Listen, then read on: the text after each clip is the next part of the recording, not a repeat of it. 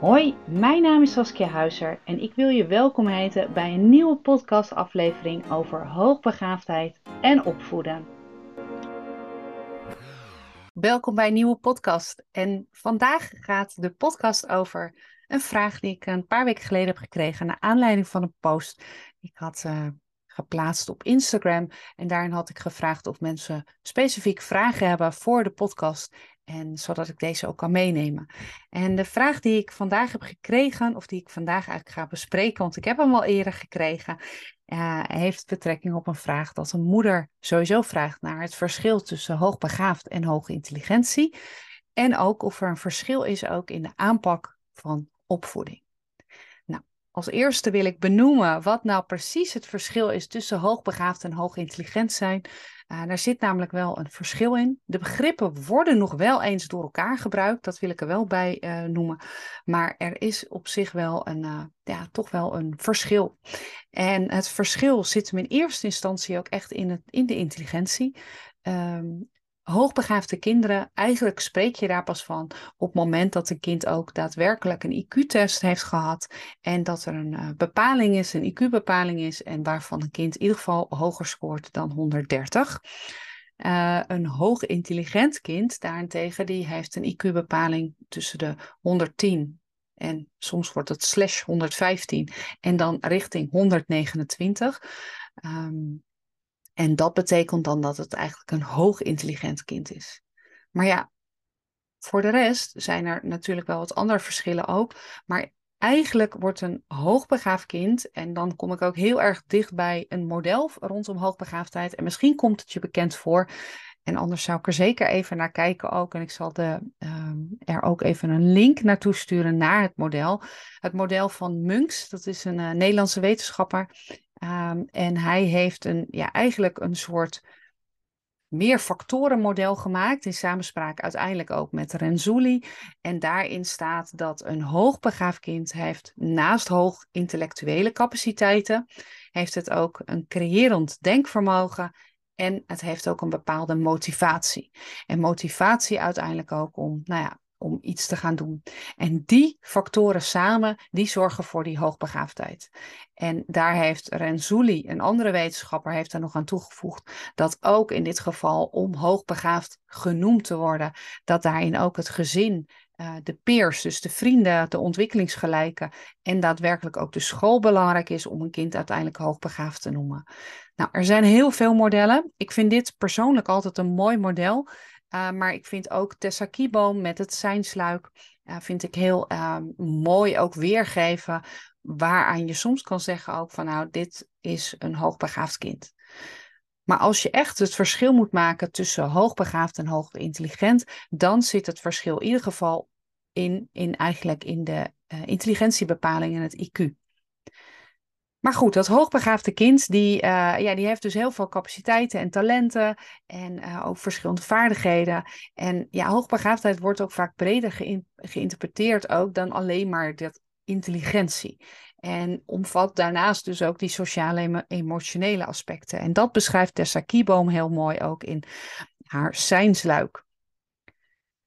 Een hoog intelligent kind uh, wijst meestal ook naar een kind met zeker ook een hoge cognitieve capaciteit en een bovengemiddeld IQ. En dat is dus het IQ wat ik benoemde, 110 slash 115 naar 129 toe. En hoge intelligentie is ja ergens, als je echt een kind hoog intelligent wil noemen, dan zou je het dus ook eigenlijk moeten meten. En dat wordt vaak dus ook gedaan door middel van een intelligentietest. In de praktijk merk ik dus dat het nog wel eens voor elkaar gebruikt wordt. Maar ik probeer wel zoveel mogelijk, in ieder geval ook in mijn podcast, probeer ik een onderscheid te maken. En uh, ja, het is dus ook eigenlijk als je deze begrippen wil gebruiken, dan is het verschil dus ook wel afhankelijk soms ook ergens van de context en de in interpretatie ook van, ja, van anderen. Maar mocht er onduidelijkheid zijn, ook als je in gesprek gaat met, met school, Um, en je denkt, hé, hey, nu wordt er over hoge intelligentie gesproken en dan weer over hoogbegaafdheid. Dan zou ik je zeker willen aanraden om in ieder geval daar echt even met elkaar over in gesprek te gaan en even te checken, hé, hey, wat, wat versta jij nu onder dit begrip? Zodat het duidelijk is waar je het beide ook over hebt. Nou, de vraag die ik van deze ouder kreeg, ging er eigenlijk ook over van Saskia, zit er dan ook verschil in opvoeden? Eigenlijk, um, ik richt mijn podcast heel erg op het hoogbegaafde kind. En er zijn ook absoluut tips die echt specifiek ook voor het hoogbegaafde kind ook zijn. Of voor de ouder van het hoogbegaafde kind. Maar ik denk eigenlijk dat mijn, de tips die ik geef, die kunnen eigenlijk voor ieder kind toegepast worden, tenzij ze echt gericht zijn op nou ja, misschien bepaalde uh, talenten inspireren of talenten triggeren of naar boven halen bij een kind. Maar overal denk ik, als ik iets vertel over um, je kind uh, zelf uh, reflecterend vermogen proberen te stimuleren, of je probeert je kind, um, nou ja, dat het een fijn avondritueel is. Of dat het een fijn moment is om een kind naar bed uh, te laten gaan. Of als een kind ergens tegenaan loopt, dan denk ik dat het eigenlijk wel voor alle kinderen ook toepasbaar is. Ik heb verschillende opleidingen en trainingen ook gevolgd rondom opvoeden. Dus niet alleen uh, aan de hand van hoogbegaafdheid. En uh, één daarvan is onder andere Positive Discipline. En daarin krijg je eigenlijk voor alle type kinderen, of het nou uh, iets minder begaafd is of juist hoogbegaafd, of het dyslexie heeft of ADHD of iets anders, of gewoon een heerlijk fijn kind waar die gewoon lekker meegaat. En um, daarin heb ik in ieder geval heel veel tips gekregen en ook heel veel geleerd en heel veel geoefend ook in de praktijk, uh, maar ook tijdens de training om te kijken van hey, hoe kun je nou een kind op een fijne manier opvoeden en hoe kun je ouders daarin ondersteunen, hoe kun je ze coachen. Uh, een van de dingen is bijvoorbeeld, en dat benoem ik altijd heel specifiek ook bij hoogbegaafde kinderen, dat het belangrijk is om dat stukje autonomie te geven. Het stukje, ja, ergens dat je er mag zijn, dat je mag meedenken, dat je gehoord wordt ook en dat je ook iets te zeggen hebt. En um, dat is net ook, bijvoorbeeld, dat is dus het stukje autonomie, maar waar ik ook een enorme voorstander van ben, is dat kinderen niet gestraft worden, maar daarentegen ook niet beloond worden.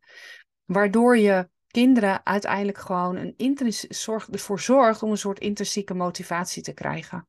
Dit is zowel voor nou ja, een hoogbegaafd kind als voor een ander type kind uiteindelijk ook van toepassing. Maar ik heb ervoor gekozen om mijn podcast ja, meer te richten uiteindelijk op de, voor de ouder van een hoogbegaafd kind. Of eventueel, mocht jij een onderwijsprofessional zijn van uh, hoogbegaafde kinderen ook, dan uh, ben je van harte welkom. Maar andere ouders, denk ik op zich ook dat ze heel veel ook aan mijn podcast hebben. Dus deel gerust ook mijn podcast aan een ouder die geen hoogbegaafd kind heeft, maar die wel af en toe met zijn of haar handen in het haar zitten. Want daar kan ik ook mee helpen. Maar om even terug te komen weer op de vraag van deze ouder die aangeeft, zit er nou echt verschil in in opvoeden? Nou, eigenlijk gaf ik net al het antwoord, er zit niet heel veel verschil in. Behalve dat ik wel heb gemerkt dat een hoogbegaafd kind soms meer um, getriggerd wil worden ergens op talenten. En uh, als hoogintelligent en hoogbegaafdheid qua intelligentieprofiel heel dicht bij elkaar zit, dan zal dat niet zo'n verschil zijn. Maar wat mij opvalt uh, als ik met ouders spreek en ik die ook ondersteun, want ik ondersteun in principe heel veel ouders van hoogbegaafde kinderen of waar vermoeden is van ontwikkelingsvoorsprong. Maar ook zeker ouders die gewoon zelf met het handen in het haar zitten en zeggen: Saskia, ik vind gewoon dat jij heel op een hele fijne manier um, ook uh, ja, mij kan ondersteunen. Uh, dan merk ik dat bij de ouders waar die een, uh, bijvoorbeeld een hoog intelligent kind hebben, wat rond 110 zit, dat zijn kinderen die soms wat um, makkelijker kunnen omgaan met alles wat er om zich heen gebeurt. En dat wil ik heel graag toelichten, want anders is het misschien een beetje uh, abracadabra wat ik vertel. Maar dat zijn kinderen die zich wat makkelijker kunnen voegen. Uh, die vinden het wat gemakkelijker ook om nou ja, mee te gaan met anderen. Die voelen zich soms wat minder anders dan het hoogbegaafde kind. Die, en, en er zit zeker een verschil ook, denk ik, tussen uh, uitzonderlijk hoogbegaafd. Dus kinderen die echt 145 plus een intelligentieprofiel hebben en hoogbegaafd. En uh, daarentegen uh, ook het hoogintelligente kind. Ik zie dat kinderen die echt moeite hebben, bijvoorbeeld met het sociale aspect, om aan te sluiten bij leeftijdsgenootjes, die het gevoel hebben anders te zijn, dat daar wel een duidelijk verschil zit tussen het hoogbegaafde, slash uitzonderlijk hoogbegaafde kind en het hoogintelligente kind. Maar voor de rest, de manier van opvoeden, de manier van aanpak, kan wat mij betreft hetzelfde zijn. Alleen soms kom je met wat meer struggles en die kom je wat meer tegen, omdat ja, een kind zich dus niet helemaal happy voelt. Verder dus, het gaat eigenlijk hetzelfde, dus de verschillen zitten daar niet in. Uh, mocht je wel denken, ja, mijn kind is hoog intelligent, als je dat al weet, want lang niet alle kinderen zijn getest. En als je uh, al meerdere podcasts van mij hebt geluisterd, dan zul je ook weten dat ik daar ook niet een uh, enorme voorstander van ben. In sommige gevallen vind ik het wel echt raadzaam om een kind IQ te laten testen. Maar andere momenten denk ik, nee hoor, dat hoeft helemaal niet. Um, maar als jij tegen struggles aanloopt bij je kind en op welke manier het dan ook begaafd is, of welke manier, welke capaciteit het ook heeft, luister eens naar mijn podcast en kijk ook wat je daarmee, ja, wat je daarmee kunt. En als je dan toch nog vragen hebt, ja, stel ze mij gerust. Ik sta er heel erg voor open. Laatst kreeg ik ook van een moeder te weten, oh jij kan, bent zo laagdrempelig eigenlijk ja, eigenlijk te bereiken. En uh, zo fijn dat jij ook uh, ingaat, ook als ik een vraag instuur, dat ik dan ook het een en ander terughoor, of dat ik het terughoor uiteindelijk in een podcast, uh, maar dat ik niet alleen sta. En dat, ik ook, dat het ook niet raar is tegen de zaken waar ik aanloop. Zo reageer jij namelijk ook niet. En dat vind ik ontzettend fijn. En dat geeft mij ook het gevoel dat ik als ouder nou ja, bij jou mag zijn en je vragen mag stellen. Dus mocht je ergens tegenaan lopen, dan uh, mag je uh, zeker uh, mij een vraag stellen. Doe dat via Instagram, via direct mail is het handigst en eventueel anders via het contactformulier op mijn website. En dan ehm, probeer ik je een antwoord te geven of anders hoor je het antwoord vaak terug in een podcast. Ik um, hoop dat ik hiermee een antwoord heb gegeven op de vraag van deze ouder. Uh, het is niet een heel direct antwoord, of tenminste niet een heel duidelijk antwoord misschien, maar gewoonweg, er is ook niet een heel groot verschil. En um, wel dus tussen uitzonderlijk hoogbegaafd en hoogintelligent, daar zit absoluut een grote verschil in. Maar als je ook kijkt naar de verschillende ja, IQ-punten, zeg maar, dan is dat ook best wel wat. Er kan ook een verschil bijna zitten, ook van... Uh, ja, misschien wel 25 of misschien wel 30 of meer punten. En dat is best veel op een intelligentieprofiel. Nou, mocht je dus nogmaals, mocht je vragen hebben, laat het me weten. En sowieso zou ik het super fijn vinden als je soms een reactie stuurt hoe je de podcast vindt. Uh, dat mag je ook op Spotify doen. Dan kun je mij uh, beoordelen door middel van sterretjes of eventueel sinds kort ook met een tekstje. En anders uh, kan dat ook via Apple of Google Podcast. En op het moment dat je dat doet, dat zorgt ervoor, uh, zeker bij een uh, hoge beoordeling, dat meer ouders mij kunnen vinden. En ook meer ouders kunnen profiteren ook van de opvoedingstips en de tips rondom hoogbegaafdheid. En dat is mijn heel duidelijke visie. Ik wil ouders hiermee helpen, want ik weet uit ervaring, zowel persoonlijk als moeder, dat het niet gemakkelijk is. En dan is het fijn als er iemand voor je is. Dus dank je wel vast als jij dat voor mij wil doen, want je doet mij daar een enorm groot plezier mee. Tot een volgende podcast.